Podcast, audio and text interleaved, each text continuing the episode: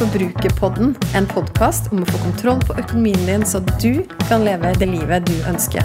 Jeg heter Kjersti Grønseth, er trebarnsmor og økonom, og er kanskje aller best kjent som forbrukerfrue. La oss snakke litt om forbruk, for alt starter med det.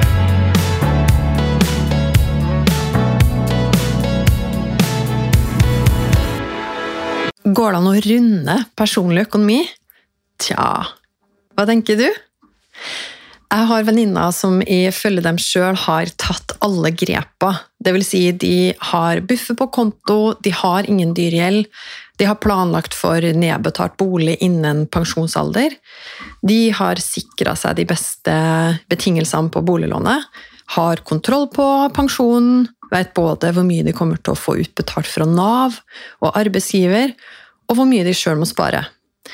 De investerer i aksjefond og sørger for at fondene scorer høyt på bærekraft. Hva nå? Kanskje falt du av halvveis på denne lista, eller kanskje kjenner du deg igjen i venninnene mine som faktisk har veldig god kontroll. Så hva er neste steg for dem, og også for deg? Personlig økonomi er ikke først og fremst en lineær prosess hvor du runder spillet en gang for alle, tror jeg. Ja, det finnes noen basic steg du bør ta, gjerne i en bestemt og fornuftig rekkefølge. Men ettersom personlig økonomi er så tett kobla til livet sjøl, oppstår det ting underveis som gjør at noe endrer seg. Og det å ha full kontroll i alle sesonger av livet blir dermed verken et realistisk eller egentlig et særlig attraktivt mål. Jeg tror tvert imot at det kan føre til en del mer stress, hvis du tenker at nå har du fått full kontroll, men så skjer livet, og så blir du demotivert fordi du må ta tak i noe i økonomien din du trodde du var ferdig med for lenge siden. Et eksempel på det kan jo være det å bygge buffer. Og for min egen del, det nevnte jeg jo også i forrige episode, at vi har hatt en del uforutsette utgifter i det siste. Da kan det jo på mange måter føles som at man er tilbake litt sånn på square one. Men så er det jo ikke det likevel. Og I denne episoden her så skal du få høre veldig mye om hvorfor jeg tenker at du ikke er tilbake der, uansett hva som skjer. Levekostnader som øker, sånn som nå pga. økte priser på mat, drivstoff, strøm og økte boliglånsrenter. Det er også sånne ting som skjer. Hva gjør du da? Eller nye drømmer du får, som koster penger i en eller annen form. Da handler det mindre om å ha runda personlig økonomi, og mer om hvordan du på nytt og på nytt kan bruke det du har lært om prioritering og planlegging, og være med på at pengene kan gi deg mer av det livet du drømmer om. Så, så lenge det finnes drømmer, finnes det gode grunner til å være på i din egen økonomi, spør du meg. Det er her de sju stegene i denne episoden kommer inn. De funker Uansett om du allerede føler du har full kontroll, eller om du trenger en kickstart for å ta de første avgjørende grepa for å komme ordentlig på overskuddssida i din egen økonomi. For uansett om du har alt det der som sikrer deg økonomisk for framtida på plass, kanskje du får en ny drøm som pengene dine kan være med å realisere. Og da trenger du kanskje å se med nye øyne på hva du bruker pengene dine på i dag. Eller hvis det skjer noe uforutsett av det mindre hyggelige slaget som jeg var inne på i innledningen. Eller du kjenner på at du gjerne skulle brukt mer penger på andre, investert i en bedre framtid eller nåtid for noen andre. Da kan det også være en trigger for å se på hvordan du kan øke ditt eget økonomiske overskudd, så du har mer til nettopp andre mennesker rundt deg. Så her er de sju stegene jeg mener funker, uansett om du har mye eller lite fra før. For det første, kort og greit, skaff deg innsikt om deg sjøl. Og fasiten på hvordan du bruker dine penger, den finnes som vanlig i kontoutskriften din. Når du går inn der, om du velger å se på én måned, to, tre tilbake eller et helt år tilbake i tid. Og hvis du ser på kontoutskriften med brillene og ser etter hvilke vaner finner du ut at du har hatt så langt i år, eller det siste året Nummer to Sjekk hvordan det står til med eiendeler og gjeld. Kontoutskriften den vil også kunne si deg noe om dine faste overføringer til sparing og investering, og nedbetaling av gjeld. Men du trenger kanskje også ta et ekstra blikk på å sette opp oversikten din over nettopp eiendeler og gjeld. Og still deg sjøl noen spørsmål. Har du buffer på konto? Hvis ikke, begynn å spare nå. Har du null kroner på sparekonto, tar du en stor risiko. Og videre, har du gjeld med høy rente, er det mange gode grunner til å kvitte deg med den her. Både at du kaster penger ut av vinduet hver måned, og at du vil føle deg helt rå når du har klart å betale ned gjeld. Og hvis du har flere mindre og noen større beløp, så kan det være veldig motiverende å bestemme deg for å ta rotta på det minste beløpet først. Det har jo et navn, det heter snøballeffekten. Og litt sånn som den lista mi over ting som nå skal fikses hjemme pga. uforutsette ting som har oppstått med boligen vår, eller pga. slitasje over tid, den lista den har på mange punkter i det siste for min del føltes uendelig lang. Men senest i går kveld så fikk vi hjelp til å få utbedra en ganske stor ting som vi har hatt på gang en stund. Og det føltes så sykt deilig å kunne krysse av den på lista, og da la jeg også merke til at jeg kunne krysse av et par andre ting som vi allerede har tatt tak i. Og vet du hva? Det skjer noe. Det skjer noe mentalt når du har tatt en av utfordringene. Hvis du har hele lista foran deg og ikke har hørt noe, akkurat det samme med gjeld, hvis du har et stort fjell av gjeld, eller det kan være regninger som ligger ubetalt foran deg Hvis du bare ser på det og observerer det, så vokser det. Det kan vokse seg inn i nattesøvnen din, det kan vokse seg til å, til å stjele mye fokus og energi fra deg. Men på den andre sida, det som er utrolig oppmuntrende, at hvis du tar tak i én liten ting, og hvis det gjelder, begynn gjerne med det minste beløpet først. Og så vil du få en enorm tilfredsstillelse når du klarer å betale det ned, og ikke minst en motivasjon til å fortsette på lista. Og videre, når du ser på dine eiendeler, finn ut hva som er ditt aller mest langsiktige sparemål. Kanskje er det pensjon, kanskje er det ikke pensjon. Du veit ikke før du veit. Så finn tallet ditt i betydningen sjekk Bruk Nav sin kalkulator for å finne ut hva du kommer til å få utbetalt i pensjon, og begynn planleggingen etter det. Så prøv å tenke gjennom hvor mye penger du ønsker å ha den dagen du ikke lenger jobber, og få like mye som du får i dag, inn på konto. Og det med å planlegge din egen pensjon det er jo et større tema enn at jeg dekker det akkurat i denne episoden nå. Og hvis du har konkrete spørsmål til det, send meg gjerne en mail eller en melding. Hvis du har investert i fond, og du får opp den oversikten i nettbanken din eller i en annen kilde, der, en plattform der du har fondene dine, er det kanskje ikke de du skal se for mye på akkurat nå.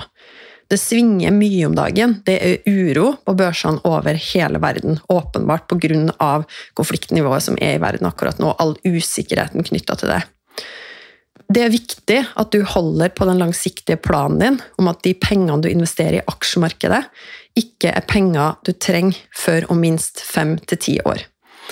Og hvis du er i en situasjon nå som en av dere som sendte meg et spørsmål som har noen penger som, ønsker, som, du ønsker å investere akkurat nå, og lurte på om det var en god timing, eller om det ikke var det, på nett pga. uroen.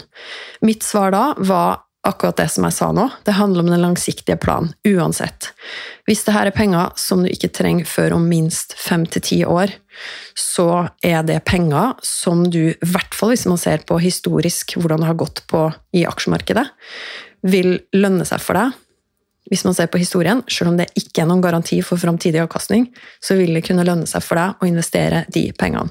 Og når det gjelder timing, så har du kanskje hørt før at tid i markedet alltid trumfer timing av markedet. I betydningen det er tidsperspektivet ditt som har noe å si, og ikke akkurat når du kommer inn. Ok? Steg nummer tre. Ut fra innsikten om deg sjøl og vanene som du da så på i steg nummer én, når du gikk gjennom kontoutskriften din. Ser det ut som du kan få mer ut av pengene dine om du bestemmer deg for å ordentlig gå inn for å bruke de to superferdighetene prioritering og planlegging for å se med nye øyne på levekostnadene dine? Ja, jeg kaller det superferdigheter. De er enkle, men de er jammen ikke alltid så greie å få satt ut i praksis. Men kanskje er det her den pushen du trenger for å komme i gang og se ordentlig på om du kanskje skal prioritere levekostnadene dine litt annerledes. Kan du det? Det handler jo ikke nødvendigvis bare om å kutte kostnader. Kanskje er det riktig for deg å øke noen kostnader for å få mer tid og overskudd til noe annet. For eksempel, hvis du egentlig ønsker å bruke noen flere timer på jobb eller til noe du driver med ved siden av jobb, som enten vil gi deg mer overskudd i form av mer penger på konto, eller fordi du vil realisere flere deler av deg sjøl. Kanskje det finnes oppgaver hjemme som du kan betale noen andre for å gjøre. Som vaskehjelp, eksempel, som jo en del har. Eller kanskje du skal investere i en robotstøvsuger. At du skal ta noe penger som du har spart opp over noen måneder, eller hvor lang tid det tar deg å spare opp til det. Som vil gi deg litt økte utgifter, eller litt større beløp satt av til det denne måneden eller neste eller de neste månedene, men som ganske raskt frigjør mer tid, og dermed vil kunne gi deg mer overskudd på sikt. Og planlegging. Jeg vet i alle fall at jeg sløser mye mer enn nødvendig, særlig på matbudsjettet, hvis jeg ikke har en tydelig plan. Ukeshandling kan være knallhardt å få prioritert i en ellers hektisk hverdag, men min erfaring er at det blir ikke noe mindre hektisk av å ikke ha tatt den lille tida til å gjøre planlegginga. Og her er det jo forskning som støtter opp under akkurat det. Jeg vet ikke om du har hørt om Paretos prinsipp eller 80-20-regelen, og den brukes jo på veldig mye. Blant annet så sier man jo at hvis man bruker 20% av tida si riktig på de riktige aktivitetene, så vil jo det kunne stå for 80% av resultatene dine. Og jeg tror man kan bruke det også på det med ukeshandling og planlegging av matbudsjettet. At hvis du bruker litt tid på å gjøre den planleggingen som kan virke uoverkommelig i øyeblikket, så vil du få så mye igjen for det. Hvis du ikke planlegger middager og andre måltider for en hel uke fordi du syns det er stress, er jo konsekvensen at du må på butikken flere ganger i uka, kanskje daglig. Kan hende du til og med føler på stresset der og da, men da er du så opptatt av å gjennomføre en oppgave som både haster og er viktig, at du til og med kan kjenne en tilfredsstillelse av, av å ha gjennomført den handlinga til dagens middag. Men hvis du fortsetter sånn over tid, tør jeg påstå at det gjør deg mer stressa, og du bruker mest sannsynlig både mer tid og penger. Hva kan du få igjen av både penger og tid hvis du bestemmer deg for å handle fast én dag i uka? Hvis du ønsker å komme ordentlig i gang med akkurat denne vanen, så vil jeg gjerne hjelpe deg på vei. Så send meg en mail på hei.forbrukerfrue.no, eller en melding på Instagram, så legger vi en plan sammen. Det fjerde steget jeg vil snakke om, er at du kan stille deg sjøl spørsmålet Hva er det som gir deg luksusfølelsen i hverdagen? Stopp opp og tenk gjennom det, og bestem deg for å legge inn mer av det i budsjettet ditt for den kommende uka eller for den kommende måneden. Og her er det jo litt interessant, for nå har jeg akkurat vært i dialog med noen av dere som har snakka om bekymring for de økte levekostnadene for tida. Og kanskje er det sånn at i den situasjonen så må du i en periode justere ned det du vanligvis ville brukt på litt mer luksus og litt mer kategorien nyte. Og ta en ordentlig gjennomgang av hva er det som er behov, og reelle behov, og hva er det som er mer ønsker eller luksus som du kan klare deg uten. Hvis du ønsker å spare med meg her også, så må du gjerne ta kontakt med meg, enten for å fortelle meg hva det er du har bestemt deg for å legge inn mer av i ditt budsjett, eller hva det er du har bestemt deg for at du kan kutte. Og hvis du trenger litt oppmuntring og litt sparring på akkurat det punktet, ta gjerne kontakt. Steg fem det handler om å planlegge for drømmene dine. Er det noen nye drømmer som har dukka opp i det siste? Har du fått reisetrang etter to år med pandemi? Eller drømmer du om en ny norgesferie i år fordi du har funnet ut at det egentlig er helt supert? Så hvordan kan du planlegge og budsjettere allerede nå for at det skal bli en drømmeferie for deg, som gir deg dobbel glede? Gleden over å få oppleve og glede over å ha spart til noe som virkelig gir deg sommerfugler i magen. Og igjen, Hvis du nå er i en situasjon der du ser at du har økte levekostnader, kan det hende da at det her er den perioden, og det året kanskje, hvor du kan flytte litt på målene du har for noen av drømmene dine.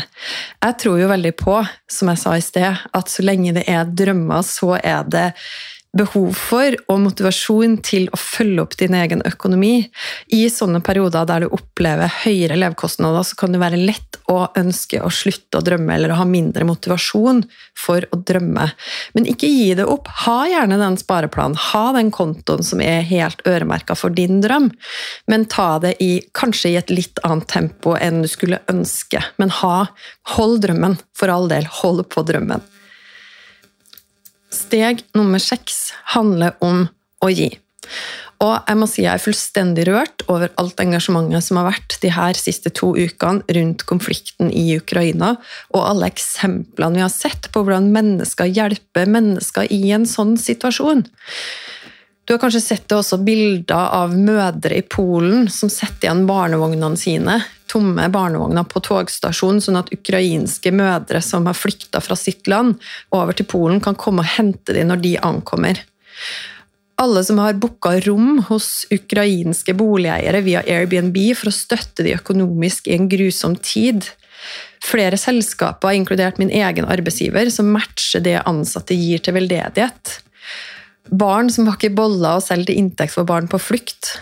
Eller ei venninne av meg som, hjelper, som, kjenner folk i Ukraina, som nå kjøper inn mat, og som organiserer det her frivillig for å hjelpe. Og hun venninna mi har også starta en egen innsamling til det. Ja, lista er lang. Det å gi til noe som berører deg, må være noe av det mest meningsfulle du får lov til å være med på. Gi ditt lille bidrag, liksom. Og tenk så rått å bare ha pengene klare når sånne anledninger dukker opp. Et helt annet eksempel jeg kom over da jeg scrolla litt random nyheter, var lokalbefolkningen i Mo i Rana, som har tatt helt av med donasjoner til en ny, stor flyplass i hjembyen. For det er sånn at Stortinget har nemlig beslutta garantert for at det skal investeres inntil 3,32 milliarder kroner til ny flyplass i Mo i Rana, som vil ha stor betydning for befolkningen i regionen. Forutsetningen for dette tilskuddet er at da regionen sjøl løfte inn 600 millioner, og kommunen har forplikta seg til 450. Nå får du altså alle detaljene her om ny flyplass i Mo i Rana. Og det betyr at det trengs 150 millioner i private midler for at man skal kunne få alle de her offentlige tilskuddene. Og mesteparten av det her er visstnok på plass, men vanlige folk har vært invitert i innspurten. Og så kan man gå inn og se på alle navnene, da, og familier og små bedrifter og litt større også, som har gitt som har gitt sitt bidrag. Og Kall meg gjerne sær, men jeg blir rørt av sånne ting også.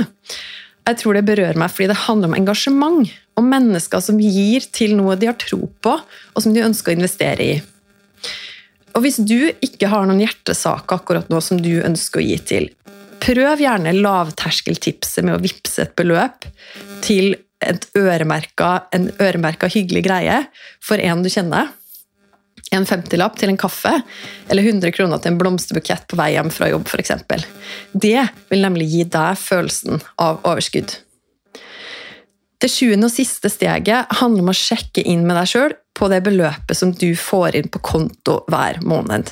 Altså inntekten din.